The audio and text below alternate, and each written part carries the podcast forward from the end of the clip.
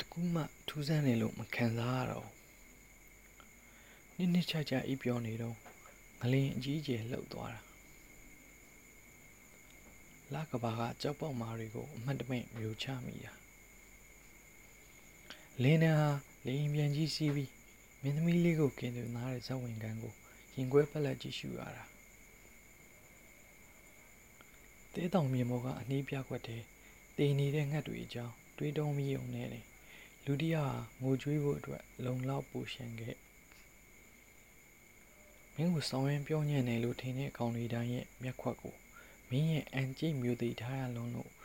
မာကြောတောင်နေနဲ့မေးရိုးတွေနဲ့ဖျက်ရိုက်ပြလိုက်တဲ့အခါတိုင်း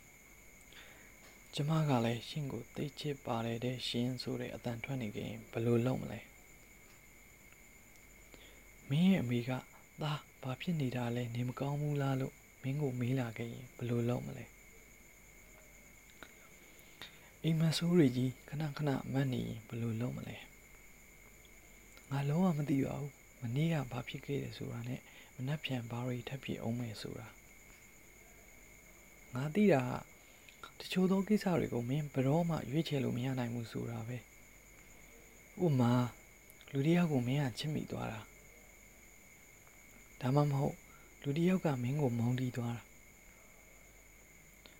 ခေါင်းပေါ်ကဖြက်ပြန်သွားတဲ့ကြီးကန်းတိုင်းကိုမအေးလို့တရောင်းစားမကောင်းဆိုးဝါးကောင်တွေလို့မင်းဘလောက်ပဲထိုင်ဆဲဆဲ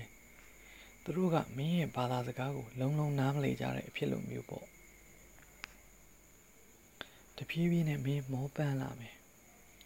မင်းနားလေလက်ခံထားတဲ့ဘာသာစကားရဲ့စွမ်းဆောင်ရည်တွေအပေါ်မှာပါမယုံကြည်နိုင်ဖြစ်လာမယ် ဒါပေမဲ့ကဘာတော့သူ့ဝင်ရိုးပေါ်မှာသူဆက်လက်လဲပတ်နေဦးမှာပဲ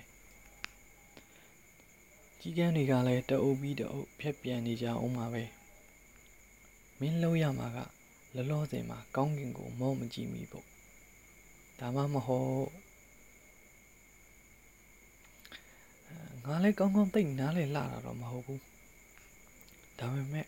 တခုခုဟာအမြဲတမ်းမင်းအနားမှာရှိနေတယ်ဆိုတာကိုတော့ငါသိတယ်